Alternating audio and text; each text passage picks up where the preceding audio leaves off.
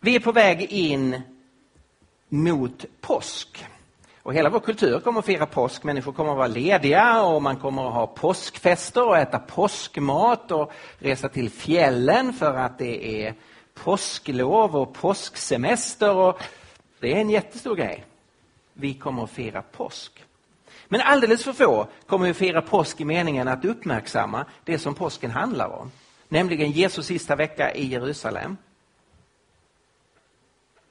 Hur han tas till fånga, hur han torteras, hur han avrättas och vad som händer sen. Och Det här är ju själva hjärtpunkten i kristen tro.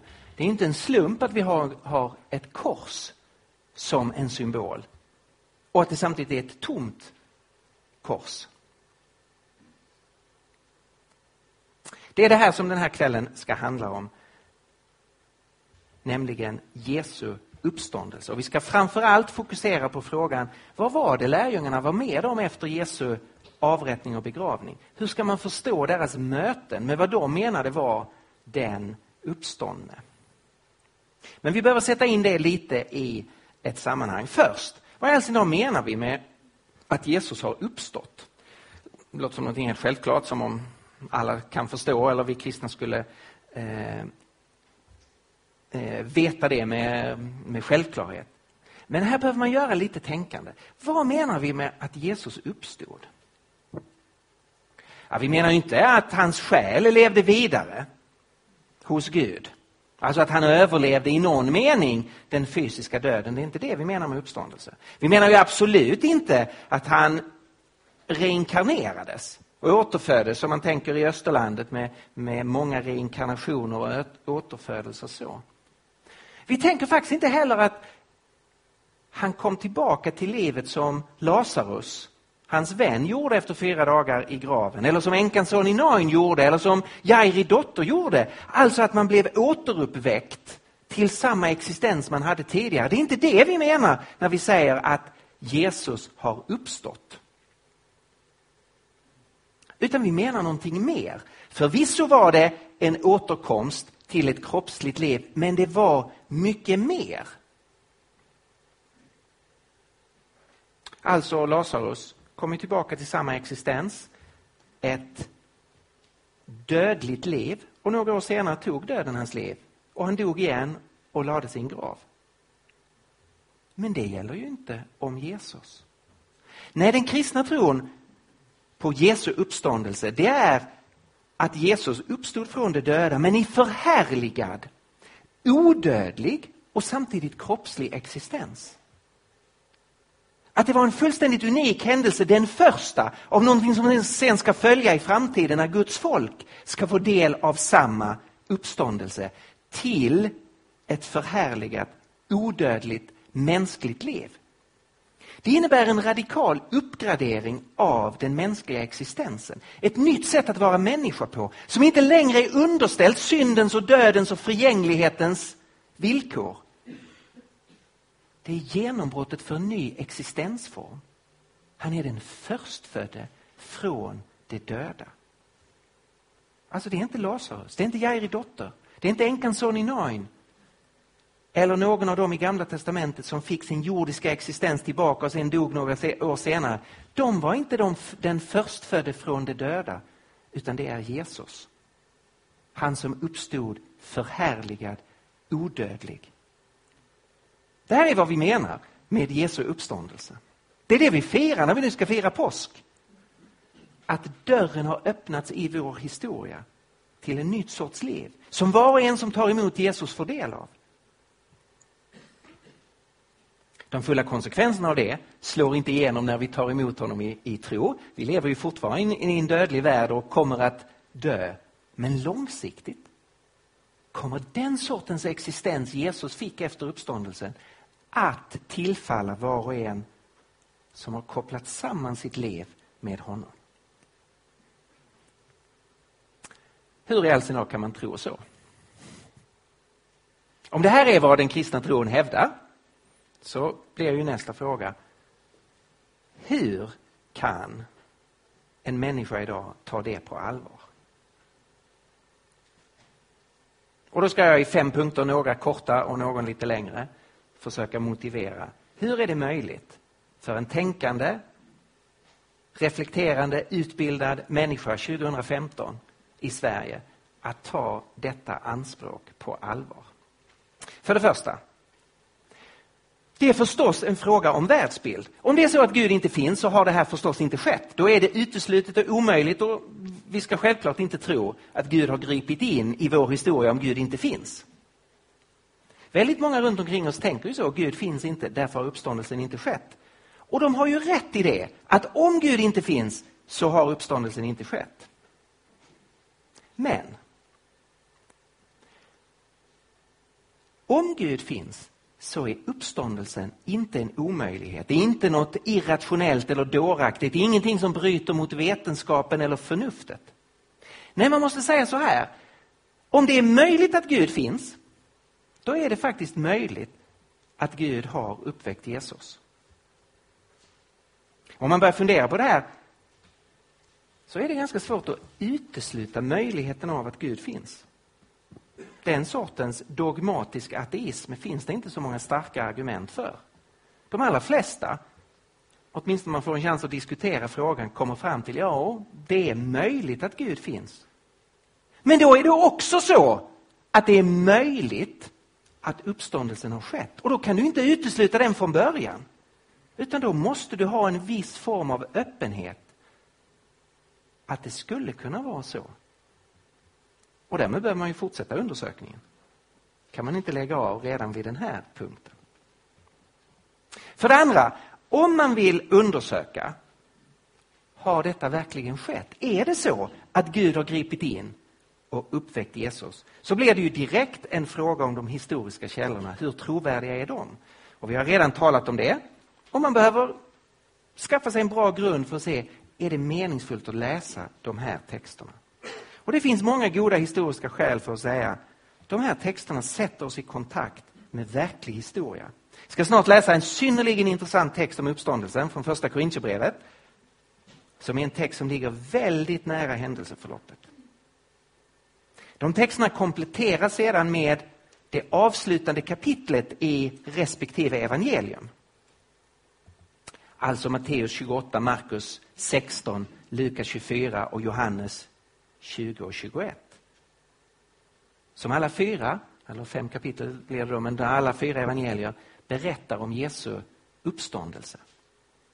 Och de kapitlen är synnerligen intressanta.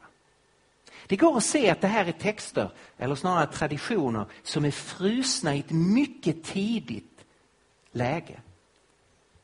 Man har valt att frysa traditionen mycket snabbt det finns ingen teologisk bearbetning av berättelserna som det finns av de övriga berättelserna om Jesus. Till exempel finns det inga referenser till texter i Gamla testamentet. Alltså man visar hur uppståndelsen uppfyller texter i Gamla testamentet som det övriga evangeliematerialet innehåller.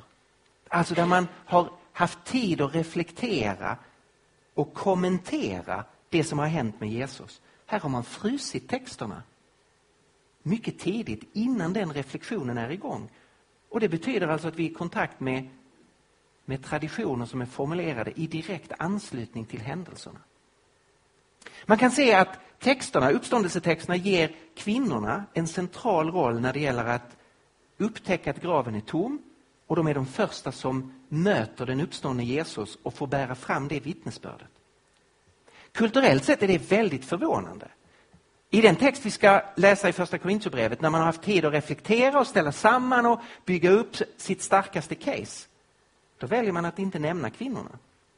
Därför att kulturellt sett vägde ett vittnesmål från en man tyngre än ett vittnesmål från en kvinna. Och då är det självklart, om kulturen är sån, då väljer man om man eh, kan välja. Då väljer man det som får störst genomslag, har störst auktoritet i kulturen.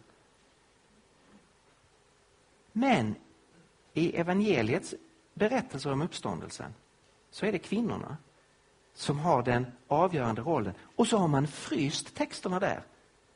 Och det verkligen var så att det var kvinnorna som fann graven tom och som var de första som mötte Jesus. Det är igen ett argument för att detta är mycket tidiga traditioner som vi är i kontakt med. Så, vi har ett spännande historiskt material att jobba med. För det tredje, och nu kommer en lite längre punkt. Ur detta materialet, vad är det för någonting som vi kan kalla för fakta?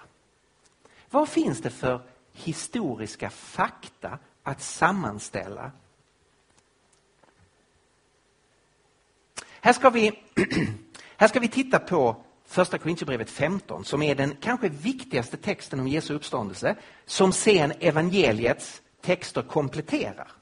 Den är viktig därför att den är en sån gammal tradition. Paulus skriver första Korinthierbrevet runt år 55. Men det han gör i kapitel 15 är att han återger en tradition som han själv hade tagit emot i Jerusalem tre år efter sin omvändelse. En ateistisk eh, evangelieforskare, en tysk teolog som heter Gerd Lydeman, han säger innehållet i denna tradition, första Korinthierbrevet 15, ska dateras till de första två åren efter korsfästelsen, senast tre år efter Jesu död. Vi har alltså att göra med en mycket gammal tradition som Paulus skriver ner i första Korinthierbrevet 15. En engelsk teolog som heter James Dunn, han går så långt att säga att denna tradition är formulerad inom några månader efter Jesu död. Bättre närkontakt med händelser i antiken finns inte i det historiska materialet. Här i första Korinthierbrevet 15 så skriver Paulus så här. Bland det första jag förde vidare till er var detta som jag själv hade tagit emot. Och så kommer nu traditionen som Paulus tog emot eh, efter att han hade blivit kristen. En tradition alltså som går tillbaka till 30-talet. Och den är så här. Att Kristus dog för våra synder i enlighet med skrifterna. Att han blev begravd. Att han uppstod igen på tredje dagen i enlighet med skrifterna och att han visade sig. För Kefas och sedan för de tolv. Därefter visade han sig för mer än 500 bröder vid ett och samma tillfälle. De flesta är ännu i livet, men några har avlidit. Därefter visade han sig för Jakob och sedan för alla apostlarna. Allra sist visade han sig också för mig, skriver Paulus.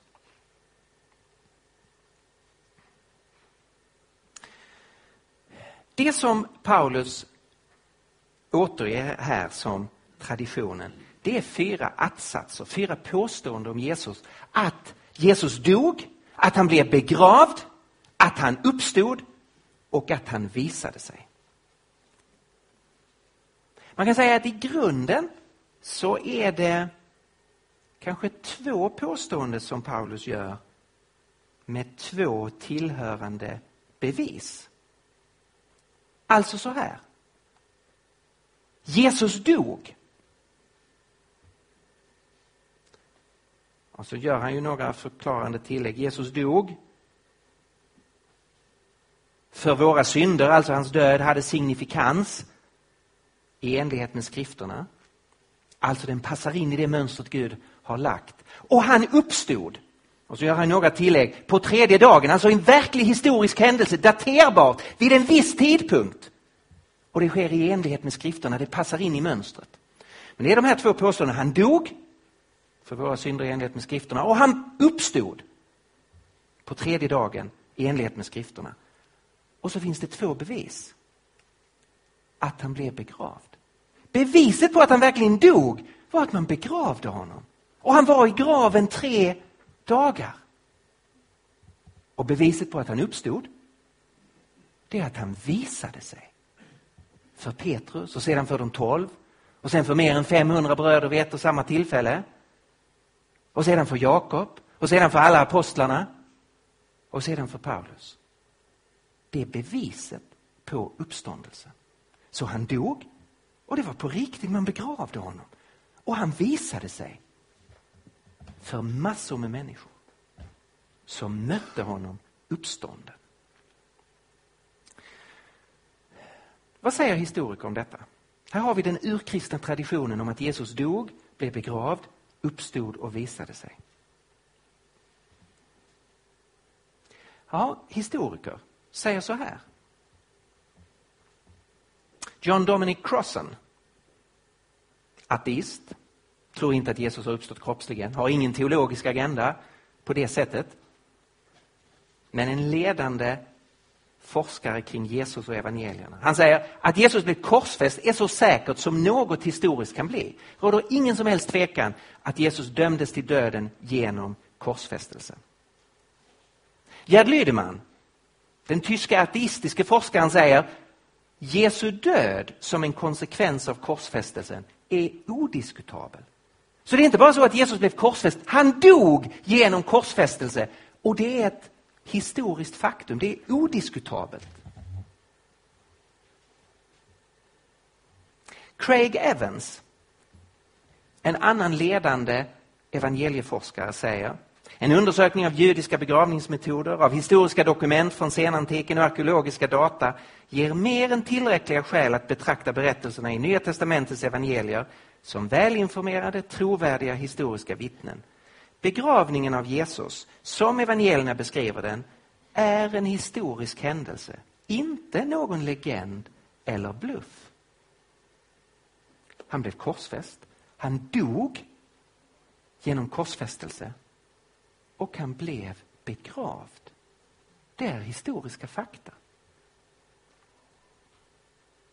N.T. Wright, en annan världsledande forskare på området, säger graven var tom.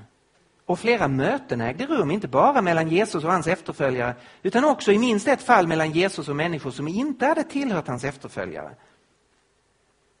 Jag anser att denna slutsats kan inordnas i följande kategori historisk sannolikhet till en sådan grad att den är så gott som säker som Augustus död år 14 efter Kristus eller Jerusalems fall år 70 efter Kristus. Graven var tom. Och människor mötte Jesus är ett historiskt faktum. Gerd Lydeman, ateist, det kan tas som historiskt säkert att Petrus och lärjungarna hade erfarenheter efter Jesu död där Jesus visade sig för dem som den uppståndne Kristus.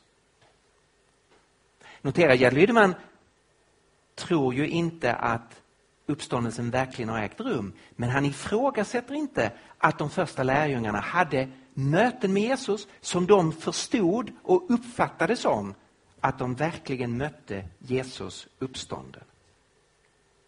Den engelske forskaren James Dunn säger ingen som har studerat materialet kan tvivla på att det kristna vittnesbördet om uppståndelsen började med ett antal upplevelser som uppfattades som att man hade sett Jesus levande efter att han varit död. Det här är väldigt spännande. Man kan tala om historiska fakta, att Jesus dog, att han blev begravd och att, människor hade, att graven var tom och att människor hade möten med Jesus som de uppfattade som att de mötte Jesus uppstånd. Och här är ateistiska och agnostiska och kristna forskare överens. Och Då ska vi fokusera på dessa möten. Vad var det för någonting? Som historiker säger nu är en verklighet att människor upplevde att de mötte Jesus. Hur visade Jesus sig? Vad är detta? I texten vi läste från första Korintierbrevet så återkommer på grekiska fyra gånger, eh, fyra gånger ordet opte. Och det är samma ord som vi har i optik. En forskare som heter Ben Witherington förklarar och säger ordet opte markerar objektiviteten i framträdandena. framträdandena. Jesus visade sig. Inte de hävdade att de såg honom. Det lärjungarna var med om var att någon tog ett initiativ och visade sig för dem uppstånden. Och Det är det här grekiska ordet som används när Paulus säger han visade sig för Petrus och sedan för de tolv. Sen visade han sig för, sen visade han sig för, sen visade han sig för. Det var ett objektivt skeende där någon utanför de här personerna tog ett initiativ och avslöjade sig för dem. Hur visade sig Jesus? Vad handlar detta om?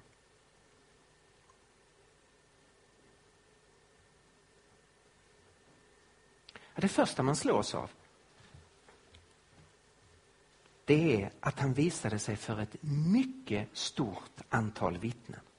Om vi tar texten i första Korintierbrevet så är det ju inte alla vittnen till uppståndelsen. Det här är en lista som utgör en exempellista på människor som Jesus visades för. Den är väldigt tydligt strukturerad. Han visade sig för tre individer. För Petrus, för Jakob och för Paulus. De tre tyngsta företrädarna för den kristna tron. Och sen visade han sig för tre grupper av människor, de tolv, alla apostlarna och vid ett tillfälle fler än 500 personer vid ett och samma tillfälle. Det här är en oerhört stort antal. Hur många behövs i en rättegång för att en domstol ska känna att man har på fötterna? Två, tre, fyra, fem? Har du åtta, tio vittnen? Du behöver inte fler. Här visade sig Jesus för stora grupper av människor. Paulus kan år 55 skriva att de flesta av de här 500 lever fortfarande. När det har gått 20 år så är det klart på en 20-årsperiod så dör några i en grupp av 500. Men de flesta lever kvar och kan intervjuas. Om man ställer samman det här med uppgifterna i evangelierna och försöker göra en, en, en sammanställning av samtliga vittnen som vi har historiska uppgifter om så ser det ut så här. Att Jesus visade sig allra först för Maria från Magdala söndag morgon. Han visade sig senare för en grupp av kvinnor söndag morgon. Någon gång under söndagen visar han sig för Petrus. Och de har en del att göra upp utifrån vad som har hänt torsdag kväll. Söndag kväll så visar han sig för de tolv. Ja, i verkligheten så är ju Judas inte där så de är elva och, och vi vet att Thomas var inte där så de är tio. Men det är ju den tekniska termen de tolv. Han visade sig för sina lärjungar. Men vi förstår av texten att det var dessutom fler personer där. Många av de kvinnor som hade följt Jesus fanns där. Han visade sig för alla apostlarna. Kanske är det en vecka senare den gången när Thomas är med och det är en större grupp av hans efterföljare som är där.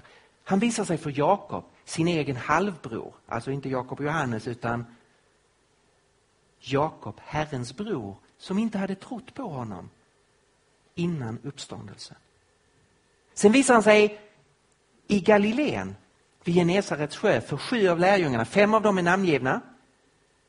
Tidigt om morgonen så sitter han där på stranden, han har tänt en eld, han har stekt fisk, han bjuder dem på varm frukost. Och han talar med dem.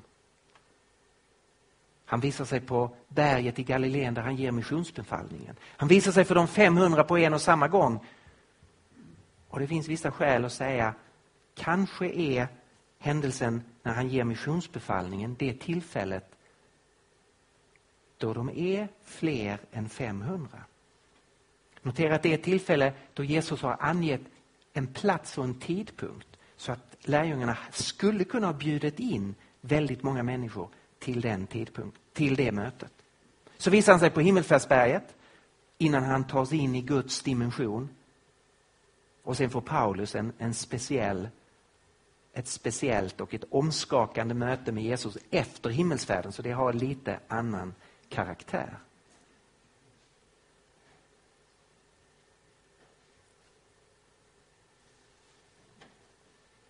Så han visar sig för ett mycket stort antal vittnen. Och han visar sig på ett mycket övertygande sätt. Det är det andra som slår en, slår en när man läser eh, källorna här. Det är på ett mycket övertygande sätt, för de som är med om det, övertygande sätt. Därför att det handlar inte om att de ser en syn eller får en känsla eller anar någonting i fjärran. Utan de har fysisk kroppskontakt. Kvinnorna griper om Jesu fötter. Thomas får ta på Jesus. Stick din hand i min sida, se det är jag. Man äter tillsammans med honom, man för samtal med honom, han talar med dem. Starkaste eh, här är ju hur Jesus visar sig så som Lukas berättade i Lukas 24. Det här är första söndagskvällen efter uppståndelsen. Medan de ännu talade stod Jesus plötsligt mitt ibland dem och hälsade dem frid över er. De blev rädda och i sin förskräckelse trodde de att det var en ande de såg. Då sa han, varför blir ni skrämda? Varför fylls ni av tvivel? Se på mina händer och mina fötter, det är jag och ingen annan. Känn på mig och se på mig. En ande har inte kött och ben och det kan ni se att jag har. Och han visade dem sina händer och fötter. Då de av idel glädje och förvåning ännu inte kunde tro frågade han dem, finns det något att äta här? Och, och det här är ju nästan komiskt. De kan inte ta in att Jesus verkligen är där och att det är på riktigt. Ja, men ge mig någonting att äta.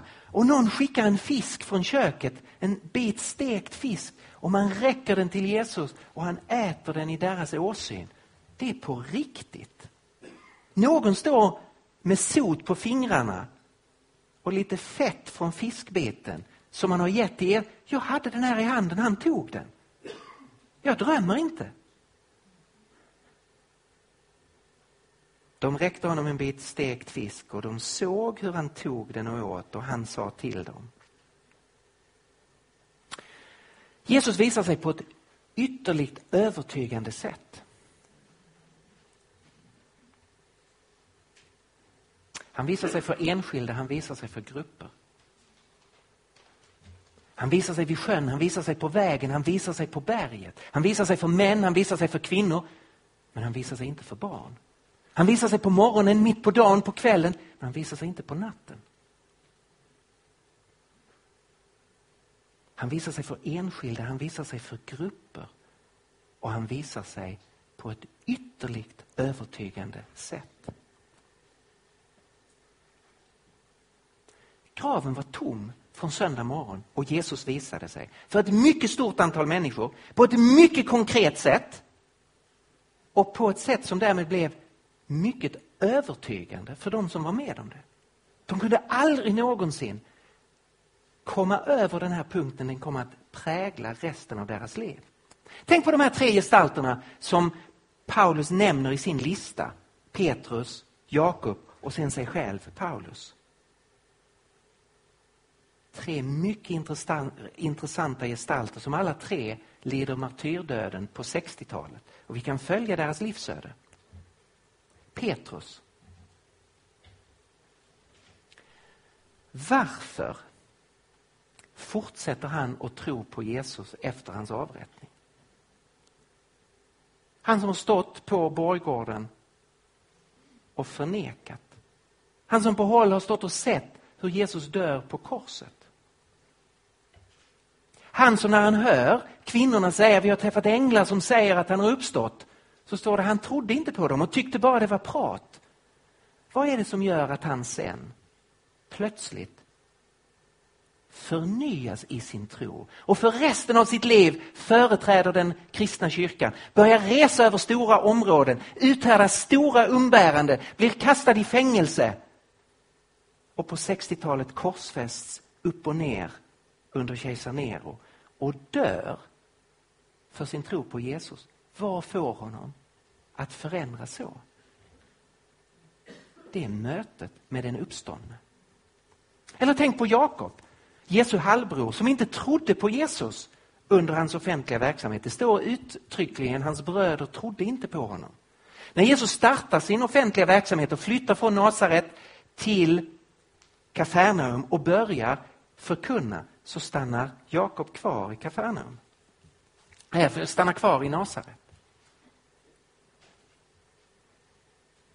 Vad är det som gör att han sen, mycket kort tid efter Jesu avrättning, nämns bland de kristna i Jerusalem och som kort tid senare tillhör pelarna, stöttepelarna i församlingen och som sen blir den ledande gestalten i den kristna rörelsens ursprungsförsamling i Jerusalem.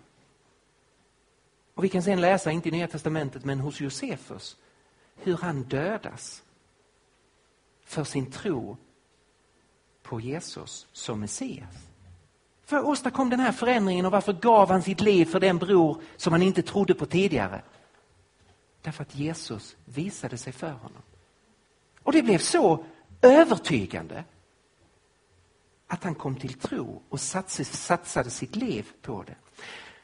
Paulus, varför blev kristendomens främsta motståndare dess främsta förespråkare? Han som hade en lysande karriär som teolog, som eh, bibeltolkare, som ledare bland judarna. Han som förföljde de kristna, varför förnedrade han sig så? Att byta sida och säga jag hade fel och lämna alla möjligheter till karriär och position och för resten av sitt liv förkunna att Jesus har uppstått. Han blev fängslad, han blev stenad, han blev pryglad. Han var flera gånger nära döden, han led skeppsbrott, han blev föraktad, han blev förtalad. Vad är det som driver honom att fortsätta och fortsätta? Ja, det var att han mötte Jesus uppstånden. Och det var något ofrånkomligt. Han kunde aldrig någonsin förneka Jesu uppståndelse. Och han gav sitt liv för det. De här tre gestalterna illustrerar på vilket övertygande sätt Jesus visade sig. Det var för dem fullständigt livsförvandlande.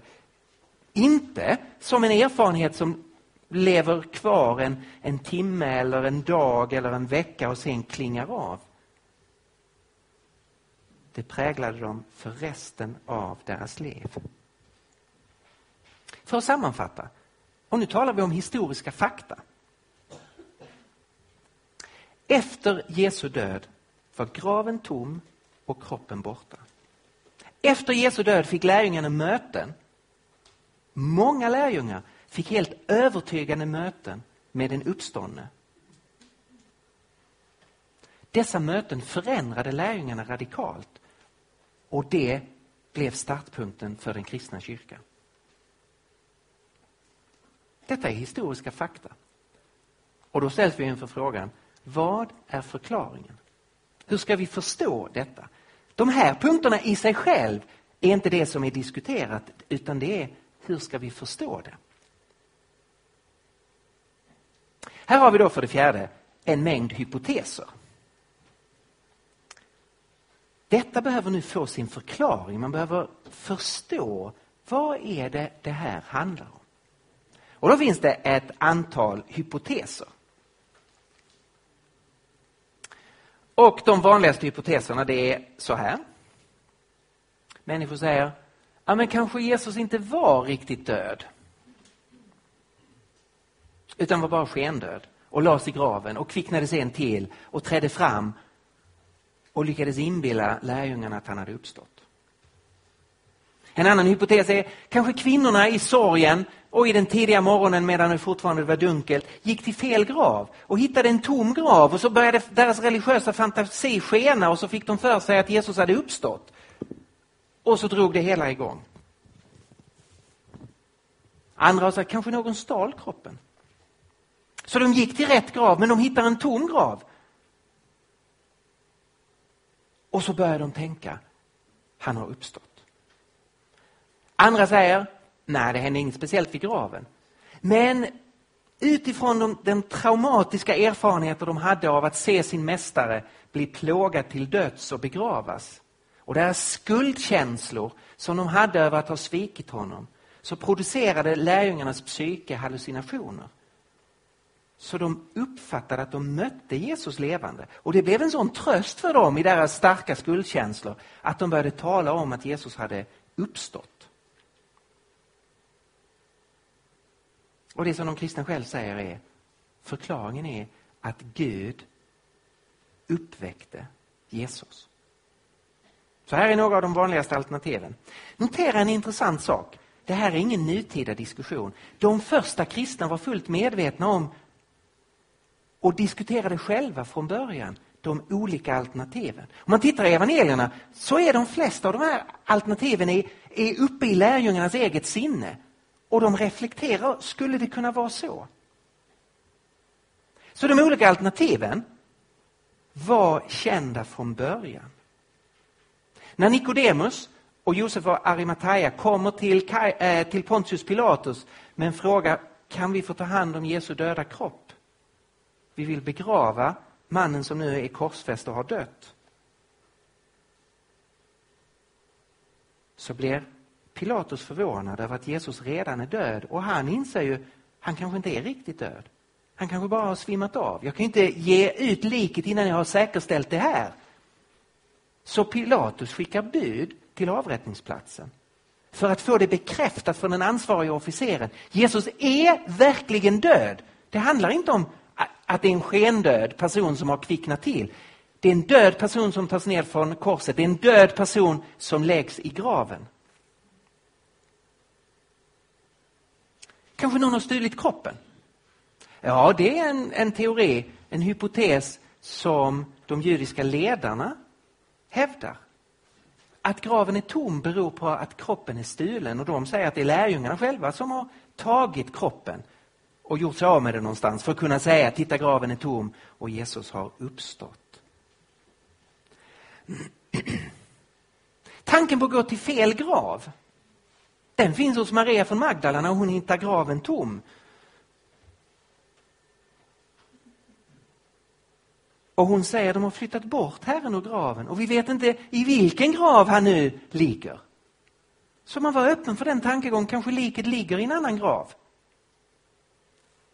Och det vi läste i, Johannes, i Lukas 24, deras första reflektion, eller reaktion, association ska jag säga, när de ser Jesus uppstånden, det är att göra en andlig tolkning. Inte att Jesus är fysiskt, kroppsligt, verkligen uppstånden, utan det här måste vara någon sorts ande vi ser. Det är någon sorts andlig uppenbarelse. Och Jesus måste bryta igenom det. Känn på, ta på mig. Så vi ska inte sitta och tänka här att eh, ja, men vi är skeptiska, klartänkta, eh, eh, smarta nutidsmänniskor. Vi kan ju laborera med olika alternativ och, och, och så. Ja, men det gjorde man redan från början.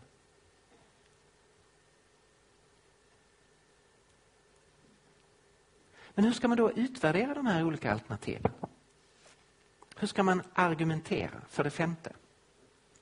Hur kan man göra en utvärdering av de olika hypoteserna om vad som har skett? För det första, låt mig säga en, en, så, en liten kort utvikning här. Ganska många, inte minst som har varit i kontakt med de nya ateisterna eller eh, humanisterna och så, de brukar här komma med en, ett påstående de har blivit som en, en, fixerad sats. Den kommer ursprungligen från Carl Sagan, en amerikansk kosmolog som var väldigt aktiv eh, som eh, ateistisk predikant. Man säger extraordinära händelser kräver extraordinära bevis. Alltså om vi ska utvärdera det här och, skulle, och, och, och komma fram till att Gud har uppväckt Jesus. Ja, men det är ju en extraordinär händelse. I så fall måste vi ha extraordinära bevis. Och det har ni ju inga. Alltså kan vi förkasta den hypotesen direkt. Extraordinära händelser kräver extraordinära bevis. Det där låter väldigt smart och väldigt rimligt. Fast det är helt fel princip. Det är en falsk princip. Och man jobbar inte så till exempel i naturvetenskapen. Det här är falskt av flera, eh, flera anledningar. Om extraordinära händelser kräver extraordinära bevis så måste då beviset vara extraordinärt. Men, men hur, då måste jag väl ha någon sorts extraordinärt som bevisar det extraordinära. Det blir någon sorts rundgång. Men än viktigare, tänk på naturvetenskapen, till exempel teorin som vi kallar för Big Bang-teorin. Det är verkligen en extraordinär händelse man talar om. För 13 miljarder år sedan uppstod tiden och rummet och massan och energin ur ingenting. Det blev till. Det är den mest extraordinära händelse du kan tänka dig. Kräver man extraordinära bevis för att acceptera det? Nej. Man kräver fler bevis men inte extraordinära bevis. När teorin lanserades var det inte många som tog emot den för man sa det här är så extraordinärt. Men gradvis under 1900-talet så har det kommit fler och fler vanliga bevis, vanliga bekräftelser på att den teorin är riktig. Inte ett enda av bevisen är extraordinära. Men nu har de blivit så pass många så att det har blivit standardhypotesen om vårt universum. Och precis så måste man förhålla sig till Jesu uppståndelse. Det är en extraordinär händelse. Men det krävs inte extraordinära bevis för att tro att den är sann. Det krävs bara vanliga men goda bevis för att den är sann. När man då ska utvärdera hypoteser så söker man ju efter det som har störst förklaringsförmåga. Den hypotesen som förklarar händelseförloppet bäst. Och det här brukar man dela upp i åtminstone två underavdelningar. Man talar om förklaringsomfång. Alltså man måste förklara så många faktabitar som möjligt. Så en god hypotes förklarar inte bara en sak utan så mycket som möjligt. Det är ett kvantitativt kriterium, förklaringsomfång. Och sen söker man efter förklaringskraft. Det är ett kvalitativt kriterium. Det ska vara en så bra förklaring som möjligt. Det är så här man utvärderar historiska eh, händelser till exempel och hypoteser om historiska händelser. Jag läste ny, nyligen eh, om en mordutredare som berättar om sin väg till tro. Och han skriver där att jag upptäckte att min, min utvärdering av frågan har Jesus uppstått från de döda liknade väldigt mycket det som jag professionellt sett jobbar med som mordutredare. Hur då? Jo, han sa så här. Mitt jobb, och för alla oroliga föräldrar, det är en docka som ligger där. Så att, eh. Mitt jobb som eh, mordutredare, det går ju till så här att jag får ett telefonsamtal och de säger det finns en död person här. Det är ett lik. Du måste komma. För vi behöver utreda dödsfallet. Och som mordutredare så har han fyra hypoteser som han har med sig. liksom. Vad det här kunde handla om. Det här kan ju vara en naturlig död. Och förhoppningsvis är det det. Någon har dött i en hjärtinfarkt eller en hjärnblödning. Eller, det är en naturlig död. Och därmed så blir det ingen vidare utredning. Men om man kommer dit och ser det ligger en död person här. Den ligger mitt på golvet, finns inga föremål någonstans i närheten. Personen blöder så det rinner blod. Så kan man börja tänka, ja men en naturlig död, då kommer det inte blod ur kroppen på det sättet. Ja men då är det kanske en olyckshändelse. Personen har kanske snubblat över någonting eller slagit i någonting eller så. Det kan ju vara en olyckshändelse. Men om man då kommer dit och ser att det blöder därför att det sitter en kniv i kroppen. Ja, då börjar man ju överväga, det här kanske inte är en olyckshändelse. Det här kanske är ett tragiskt självmord. Så personen har tagit sitt liv. Men när man ser att kniven sitter högt upp på ryggen på ett ställe som är svårt att sätta kniven själv. Alltså, nej men, nej det är nog tyvärr inte ett, eller tyvärr, det är nog inte ett självmord, det är nog dessvärre ett mord. Och så har man ju kunnat utesluta de andra alternativen för de har inte förklaringsförmåga. De får inte med, de har inte förklaringsomfång, kniven. Och de har inte förklaringskraft. Det blir inte bra förklaringar att du begår självmord genom att sätta en kniv i ryggen. Det är en dålig förklaring. Jag är ledsen att det här är ett makabert exempel. Men vi talar faktiskt om en död person, eller hur? Så det är inte så krystat. Jesus var död, eller hur? Okej. Okay. Tillbaka till hypoteserna. Var Jesus skendöd? Nej, det var ju ett av de fakta som historiker är överens om. Han var inte skendöd. Han verkligen dog genom korsfästelse och var död och blev begravd. Så det här har ju ingen förklaringsförmåga alls, det bryter ju mot fakta. Och du har ju ingen förklaring till varför lärjungarna började uppleva saker. Och hur i all sin kunde de tro att en, en korsfäst person som då hade överlevt det, svårt torterad, att han skulle vara förhärligad och ha ett odödligt liv. Han hade ju varit behov av läkarvård i, i månader efter. Det har ingen förklaringsförmåga. Gick kvinnorna till fel grav? Jag har ju väldigt låg förklaringsförmåga. Det är klart man kan gå till fel grav, men då går man ju efterhand sen till rätt grav. Man letar ju upp graven, förstås. Och om man går till fel grav så har man ju ingen förklaring på möten. Vad, vad är det de är med om efteråt?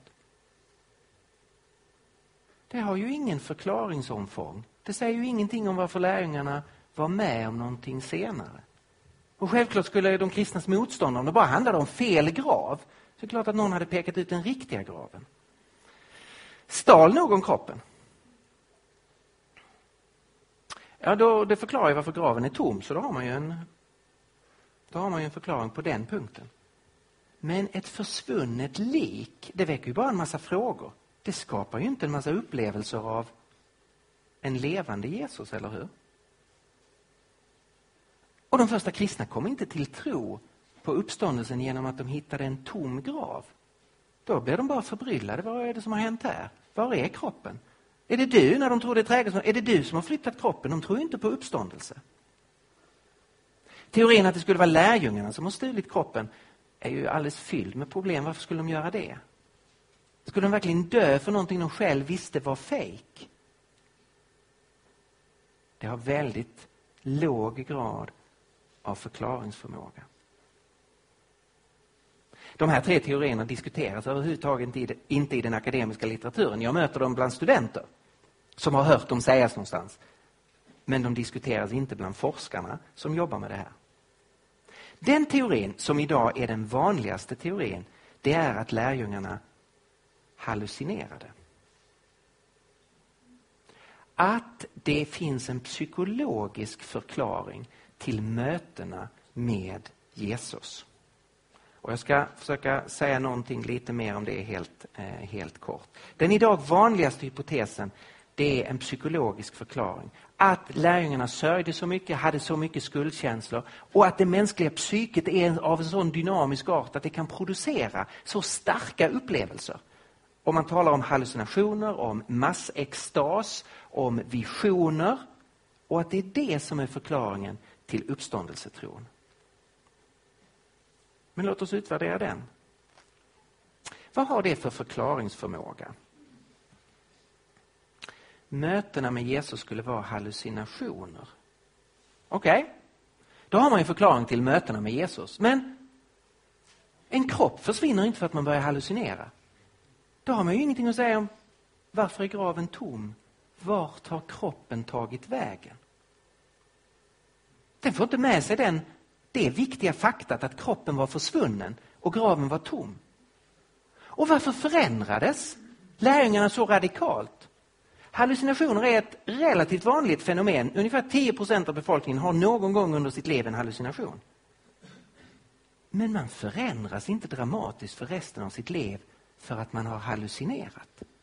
Därför att man förstår ju att det här är en lite skruvad varseblivning jag har varit med om. Och den kan ju vara intressant och omvälvande och känslomässigt stark. Men den klingar ju av och efteråt så lever de som har hallucinerat.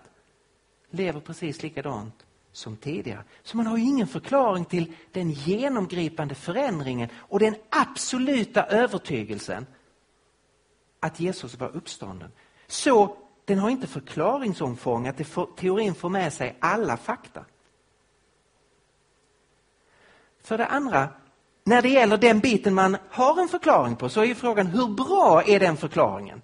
Att mötena var hallucinationer. Hallucinationer är ett individrelaterat fenomen. Det man hallucinerar är beroende av det egna, egna mentala bilder, egen historia, egna känslor. Alltså om alla vi här lägger oss i en sovsal och sover i natt så kommer ju väldigt många av oss att drömma. Oddsen för att vi alla skulle drömma samma sak det är ju helt osäkert. Det gör man ju inte. Det. Därför att våra drömmar vävs ju av vårt eget inre material, av vår rädsla och våra förhoppningar och, och så. Så vi drömmer ju helt olika. Hur kan hundratals människor hallucinera detsamma?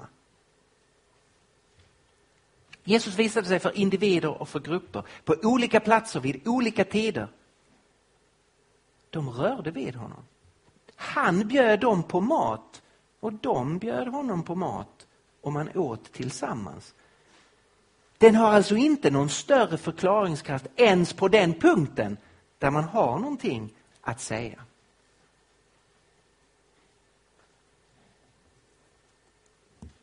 Som jag ser det är utan tvekan den starkaste förklaringen den som Petrus ger på pingstdagen. När hela Jerusalem är på fötter, det har skett en massa märkligheter och man undrar, Petrus stiger fram och förklarar vad det är som har skett. Och i slutet av sitt tal säger han, denne, nämligen Jesus, har Gud låtit uppstå och vi kan alla vittna om det. Det förklarar varför graven var tom och kroppen är borta. Det förklarar vad det är lärjungarna har varit med om. Jesus har visat sig på ett verkligt sätt. Och det förklarar varför de blir totalt förändrade och lever för resten av sitt liv med en övertygelse om att Jesus är uppstånden. Själva tolkar de det här helt annorlunda än de tolkar visioner och drömmar. Läs apostlärningarna. Petrus och Paulus har både visioner och drömmar. De har inte alls den här effekten på dem som mötena med den uppståndne. Det är en helt egen kategori.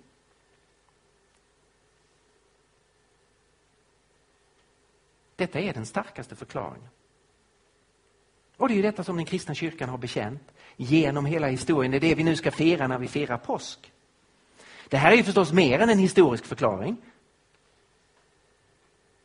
Om den är sann så innebär det ju att Jesus är levande och uppstånden och att han har stigit upp till himlen och han har därifrån sänt sin ande och att anden vittnar om att Jesus är levande. Och Det är därför som vi, så många av oss här, har, har känt av beröring av den levande Jesus. Så här finns en existentiell och andlig sida, att Jesus är levande och kallar människor till sig. Men det finns också en historisk och intellektuell sida. Att detta är den bästa förklaringen på de fakta, de historiska fakta som vi har tillgång till.